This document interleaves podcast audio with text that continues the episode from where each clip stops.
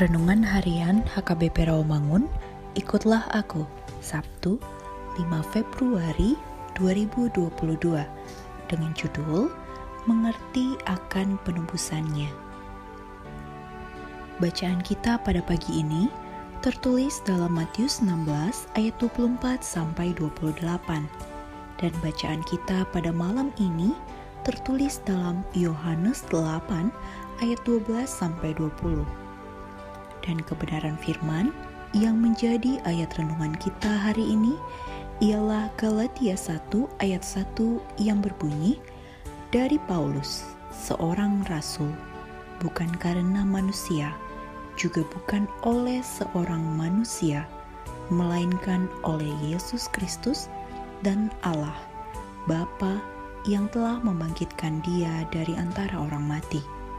Demikian firman Tuhan.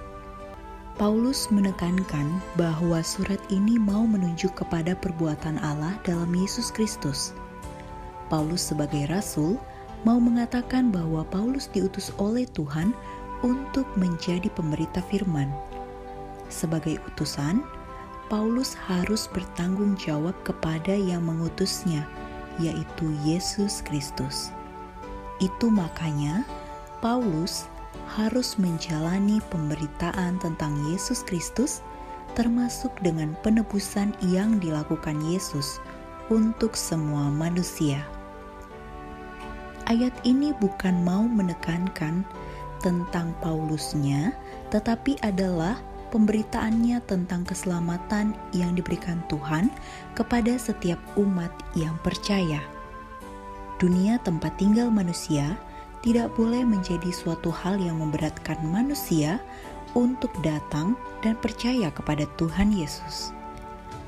Karena oleh Yesus Kristus, kita dilepaskan dari kuasa abad yang sekarang ini. Jadi, dunia yang jahat sekarang ini tidak seluruhnya boleh disamakan dengan hidup di bumi ini atau dengan sejarah manusia dunia yang jahat sekarang ini adalah sejarah manusia tanpa Allah, tanpa harapan. Kita harus segera bangun dari tidur yang lelap. Keterlelapan kita jangan menjadikan kita semakin tidak mendekatkan diri kepada Tuhan. Bahkan kita harus bangun dan sadar bahwa Yesus Kristus sudah bertindak memberikan keselamatan, bahkan pengampunan melalui penebusannya di kayu salib. Bangkitlah dan semangatlah di dalam pengharapan yang hidup hanya kepada Tuhan Yesus saja. Mari kita berdoa.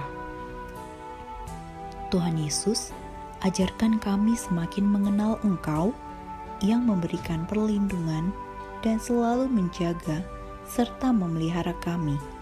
Amin.